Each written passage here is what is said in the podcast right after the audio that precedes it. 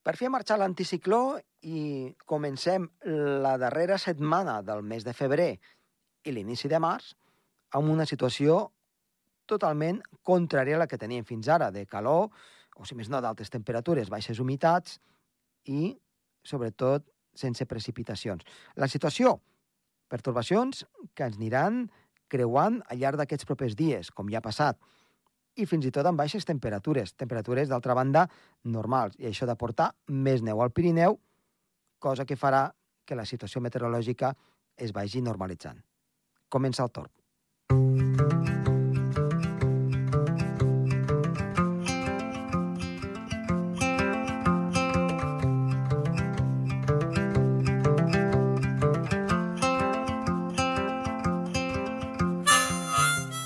En el programa d'avui tenim el meteoròleg Marc Gasó, que ens parlarà sobre el vòrtex polar i com influeix en el temps que pugui fer en el nostre hemisferi i també aquí al Pirineu i amb què està relacionat. I d'altra banda també ens portarà un petit tema sobre la humitat i la neu. Com influeix la baixa humitat en què la neu es pugui conservar aquí al Pirineu aquests dies que ha anat fent eh, força calor i sobretot no hi ha hagut precipitacions. Som-hi!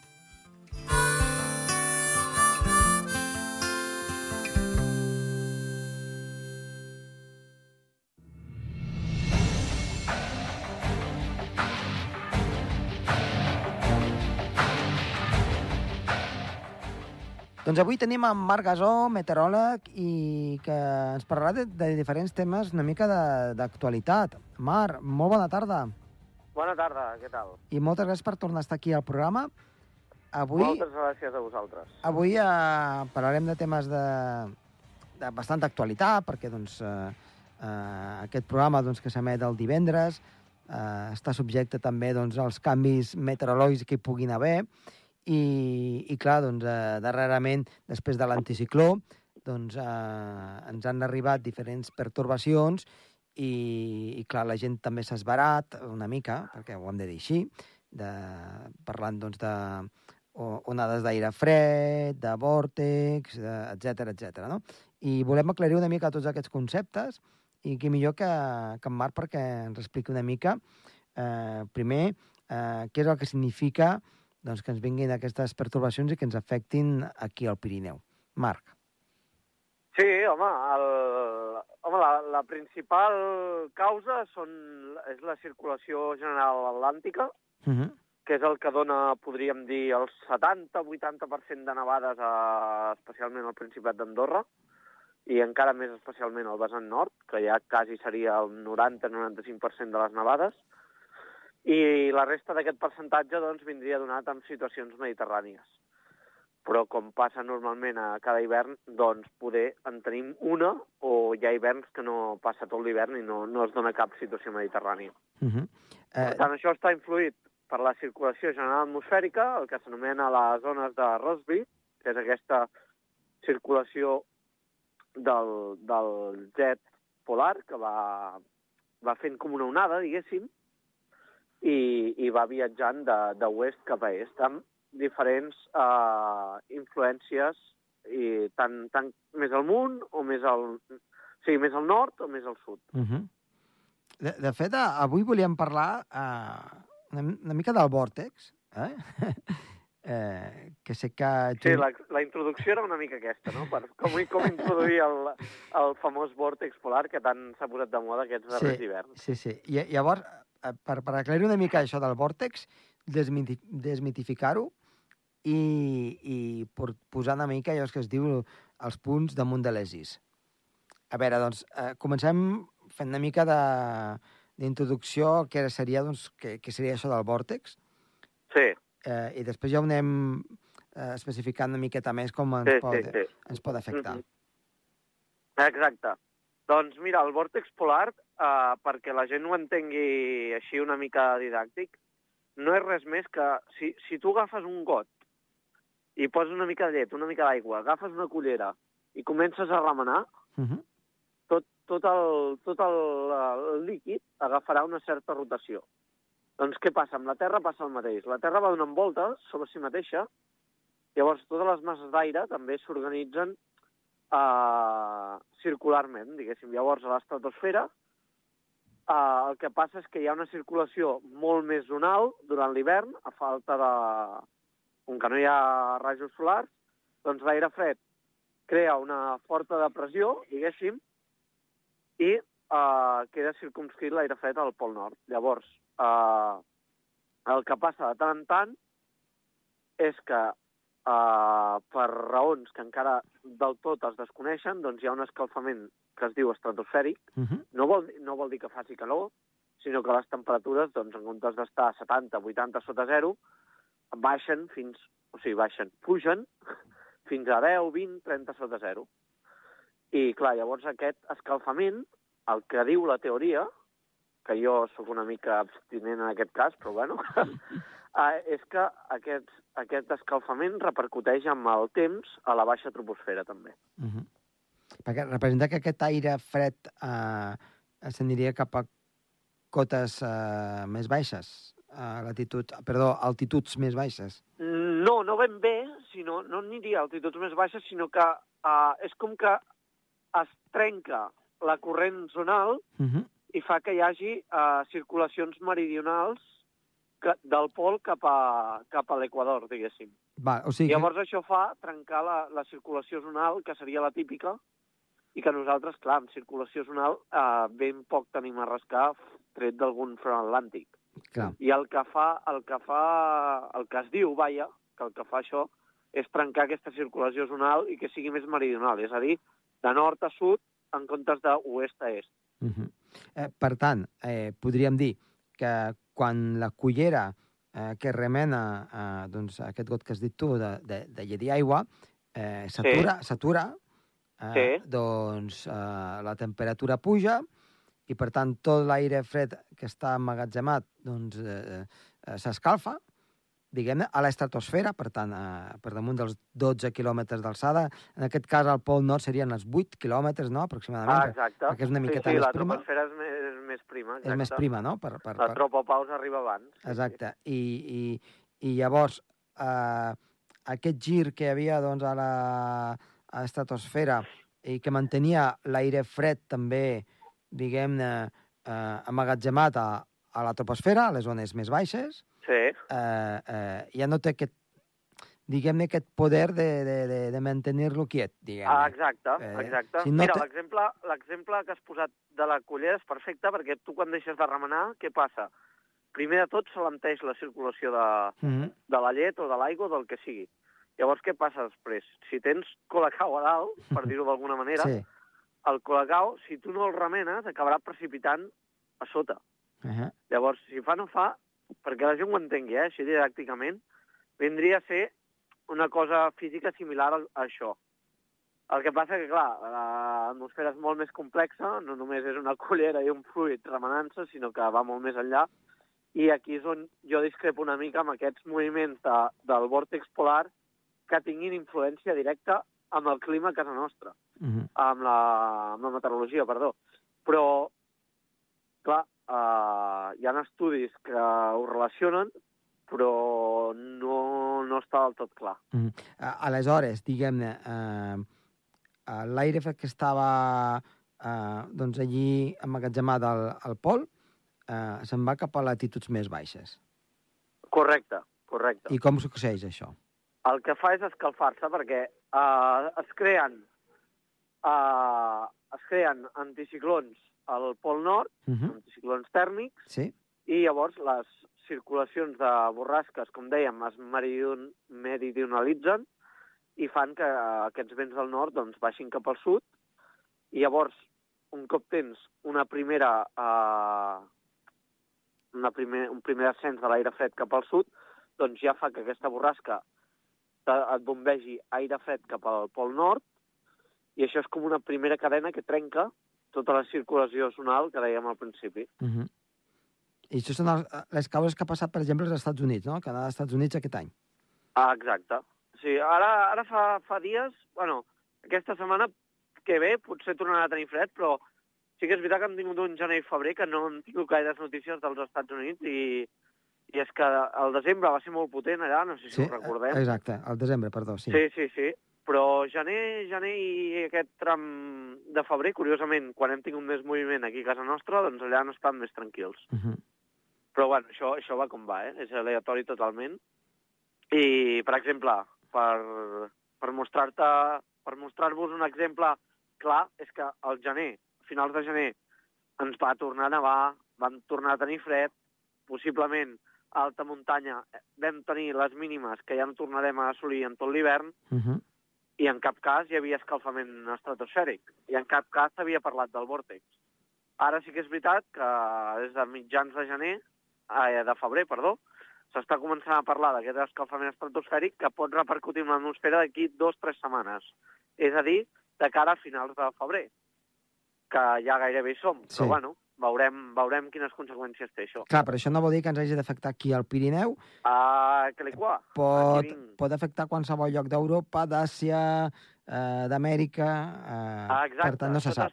Això, això ve a dir, o es diu, que trenca la circulació zonal a l'hemisferi nord. Però, clar, l'hemisferi nord, nord és molt gran. Clar.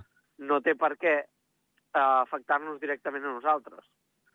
Com el fenomen de la niña o el niño, que també diuen que té una certa influència, però, clar, tampoc és una...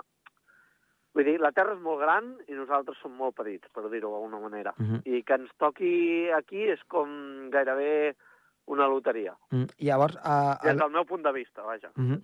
aleshores, el, el tema que parlaven de les zones de Rosby i d'aquestes ondulacions, eh, per explicar una mica, eh, pels nostres oients, perquè se faci una mica aquesta visual del que, del que podia ser, té relació amb, amb el tema del vòrtex?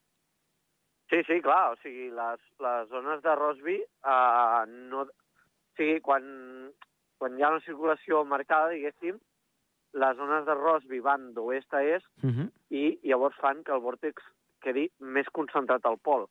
En canvi, quan aquestes zones de Rosby es trenquen, és quan diem quan hi ha una ruptura del vòrtex i, bueno, això fa el, el que dèiem al principi, no? que aquest aire fred s'escampi i, i les zones de Rosby s'ondulen molt més i tenen molt més recorregut nord-sud que no pas oest-est. -huh. Que és quan ens arriben les, les borrasques que es poden arribar Ah, exacte, aquí al Pirineu. O sigui, ah, exacte. eh, Provocant nortades Sí. i nevades i tot plegat. tot, i- abans això no, no es deia, diguem-ne, que era a causa del vòrtex, i ara doncs, es comença a dir, i, Sí. I és una manera més de... de, de... És un fenomen molt desconegut i molt recent. Sí. que és el que dius. Abans no s'estudiava o no es tenia en compte per desconeixement, i ara cada vegada està més de, bo... està més de moda, però clar, tampoc hi ha estudis 100% del tot certs que correlacionin un fenomen amb el temps que tenim aquí. Exacte. Clar, això és com l'oscil·lació àrtica, si és positiu sí, o sí, negatiu. sí, exacte, A- com aquesta- la nau i la nau. Sí, a- aquesta sí que té més correlació, eh? Sí, aquesta sí, perquè aquesta ja ens està indicant que altes pressions a l'Àrtic ja signifiquen baixes pressions per sota, i clar, per sota ja, ja vol dir que uh, ja, hi hauria més moviment a prop de casa nostra. Uh -huh. O la NAO, que és la North Atlantic Oscillation, eh, vindria a ser el mateix. Quan hi ha altes pressions a Anglaterra i baixes pressions a Portugal, doncs es diu que hi ha nau negativa. I això sí que ens afecta ja directament Clar. perquè s'està referint a un fenomen que té correlació amb el temps de casa nostra. Que és una mica el que està passant des de que marxa l'anticicló. eh, Correcte, a- a- aquest camp. correcte. Que es veu Sí, allí sí. el- aquest potent anticicló, illes Sí, sí, sí. britàniques, eh, sud d'Islàndia... Des d'aquest dijous que Mhm. estem amb nau negativa, correcte. Exacte. I que, Sí, sí, sí. i, I que sembla que ha de durar doncs, encara força dies, no? Es veu com a, com a 15 dies de, de moviment i que alguna cosa doncs, eh, anirà passant, no se sap el sí, què. sí, sí. Home, després de les nevades d'aquest dijous, doncs el... de cara al cap de setmana i la setmana que ve, doncs hem d'esperar que una situació de bloqueig, que es diu, Uh -huh. que vol dir que l'anticicló està clavat eh, bloquejant la circulació zonal. Aquestes zones de Rosby que dèiem es veien obligades a, a circular molt més cap al nord i descendeixen eh, per l'Europa oriental, de tal manera que aquest bloqueig anticiclònic fa que tinguem un passadís de borrasques per sota, pel Mediterrani i per la península. Uh -huh. I que ens I portin... això eh, afavoreix, evidentment, a que ens portin inestabilitat, nevades, ja veurem en quina cota, això està per determinar, Uh -huh. però, però sí, es veu una situació dinàmica de cara a la setmana que ve. Uh -huh. Sí, sí. que prou falta fa perquè les precipitacions eh, eh, són molt necessàries, a part, evidentment, de la neu, no? Eh, amb això pensem que està doncs, força garantit aquest... Eh, eh, sempre parlo jo del penúltim tram, eh? Sí, De sí, la sí, penúltima nevada, perquè encara, doncs, clar, entrarem ja al mes de març, encara doncs, cor- hi ha recorregut perquè doncs, eh, vagi nevant, però és molt necessari després de temperatures, per Sí, exemple, sí. doncs, al cap de setmana de més de 20 graus que vam arribar aquí, aquí a Andorra, a les Exacte. zones baixes, que clar, és una temperatura molt, Sí, molt i molt elevada, similar a la que havia fet l'any passat, eh? Però... Mira, la setmana passada partíem de 20 graus i potser, si els mapes es compleixen, de cada dilluns, dimarts de la setmana que ve, igual tornem a fregar els 10, 15 sota zero als cims. O sigui que... Clar. Imagina't quins contrastos. Sí, sí. Però vaja, ja ho té, això, eh, també. Sí, sí, clar, la, la zona influenciada pel Mediterrani i el Pirineu, que està molt cap al sud, és, és el que té, no? Sí, Eh, sí, sí. I m'agradaria parlar ara també doncs, eh, d'aquest segon tema que ens volies parlar, que és precisament de, dels fenòmens que tenim aquí que, quan hi ha anticicló, no? que és la neu i, i, i la baixa humitat.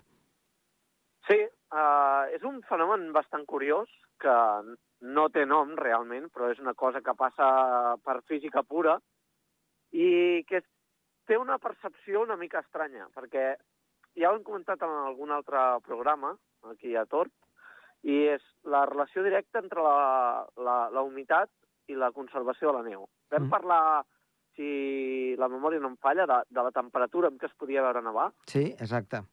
Que, Pues ara, ara parlaríem de la, de la neu al terra, un cop la neu ha caigut al terra, quan i com es conserva millor i en quines condicions es, eh, es desfà més ràpid, eh, que, que record, més ràpid. recordem breument, eh? eh, eh podem veure nevar a cotes més baixes depenent de la humitat. Correcte, correcte. I- com, i- menys, com menys humitat, podem veure nevar amb... amb és a dir, amb un 20% d'humitat es Mm. pot arribar a veure nevar amb 4 o 5 graus Uh -huh. i amb un 90% d'humitat mm, només es veurà nevar si la temperatura és propera al zero o per sota el zero. Uh -huh. Per tant, a la que tocaria segons els, segons els mapes, no pas... Ah, exacte, Va. exacte. I aquest- I, I mira, passa una mica el mateix, Uh -huh. aquí ve- veníem a explicar això, Sí. uh, quan la neu ha caigut al terra, que diuen, ostres, ara què aniria bé que no fes vent, un anticicló o que seguís núvol, doncs a vegades aquesta percepció del que seguís núvol per no desfer la neu Sí. és una mica falsa, perquè si segueix núvol vol dir que la humitat és alta. Si més no, hauria de ser alta. Deixa'm, fer, un, Ah. deixa'm fer un parèntesis, eh? Sí, Perquè sí, eh, hi, ha, hi ha molta gent que treballa a pistes sí. que, que a vegades m'ho comenta, i segurament a tu també ho- t'ho hauran comentat, que el pitjor que hi pot haver són les boires a les muntanyes, encara que estiguin sota zero, eh, però moltes vegades no hi són, i aquesta elevada humitat. Que això és un menjaneus i Correcte. increïble. Això Sí, sí, és el correcte. pitjor que hi pugui haver-hi, eh? Sí, sí, correcte, correcte. Uh, aquí, venia, aquí venia jo també. Uh, és la percepció falsa aquesta de dir, oh, si demà, per dir alguna cosa, eh? Si demà Mhm. no surt el sol en tot el dia i la neu es, es gela, doncs uh, aguantarà, Millor. aguantarà dies i dies, millor, i, i bueno, la realitat no és aquesta, perquè és el que dèiem, si està núvol, o almenys tenim núvols baixos, vol dir que la humitat serà molt alta, del 80-90%, i encara que estiguis a un, dos graus positius, eh, aquest, aquesta temperatura positiva, a l'entrar en contacte la neu amb, amb el núvol, que Mhm. seria la boira, o sigui, la boira no deixa, no deixa de ser aigua, i aquesta aigua desfà la neu a marxes mm, forçades, però, però molt ràpid, o sigui, molt més del que ens podem imaginar. En canvi, què passa? Quan fa sol, i si ve anticicló després, la humitat baixa molt per subsidència. Llavors, als cims i a alta muntanya pots estar a 4, 5, 6 graus, però si tens humitats del 20-30%, com que no hi ha humitat a l'ambient, el...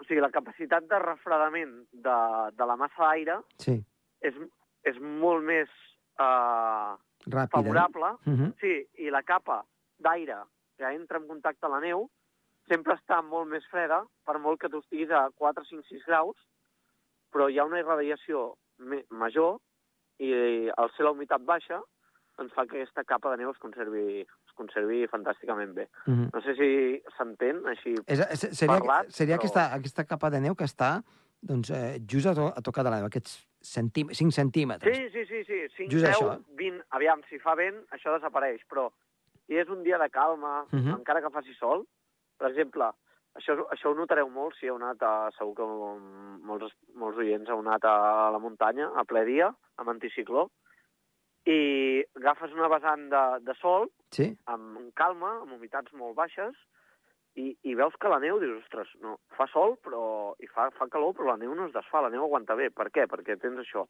10-20% d'humitat, i la capa, primer que la neu és blanca i fa a l'albedo ja de la neu dissipa els rajos solars, i després eh, la capa superficial que està en contacte amb la neu, Mhm. la capa d'aire, doncs es refreda molt més ràpid que no pas el núvol, que el núvol no es pot refredar perquè, repetim, és aigua. I aquesta aigua, a l'entrar en contacte amb la neu, doncs es fa la neu.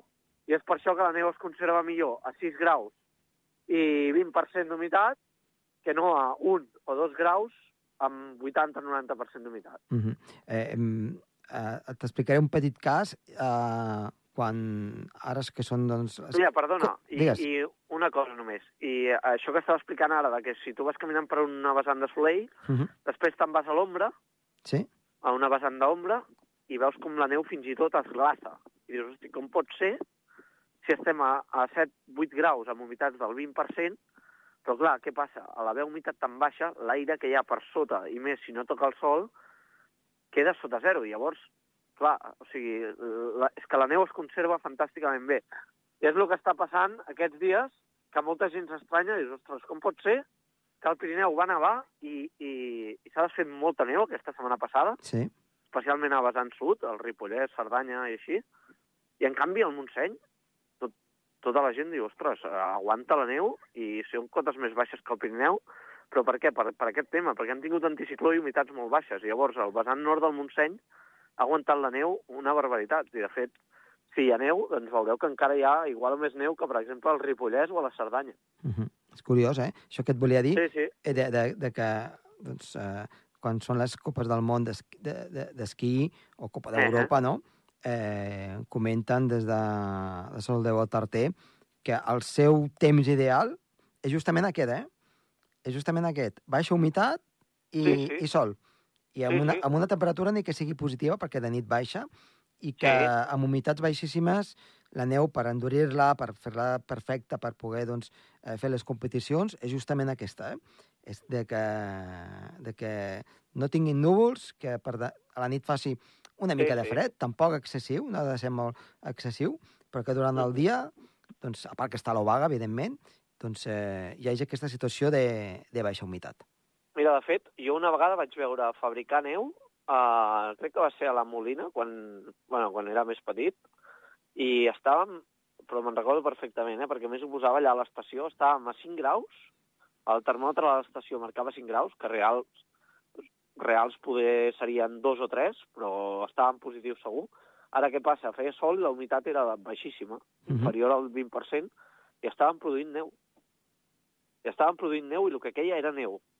O sigui, Pot ser una... és, és, un, és un fenomen curiós el, el que arriba a fer la humitat. Sí, potser una de les solucions per eh, salvar les temporades serà aquesta, eh? perquè l'anticicló Sí, cada, sí, cada cop dura més, amb, Sí, sí, amb, amb calmes i, evidentment, a l'alta muntanya hi ha baixa humitat, sí, sí. eh, la, el poder fabricar neu cultivada doncs, amb, amb temperatures positives, però sí, sí. amb baixa exacte. humitat farà que, eh, que puguem tirar endavant. Exacte, sí, sí. Doncs, Marc, eh, moltíssimes gràcies avui per, per aquestes explicacions i t'esperem una propera vegada. Molt bé, doncs gràcies a vosaltres. Fins la propera. Adéu-siau. Molt bé, fins la propera.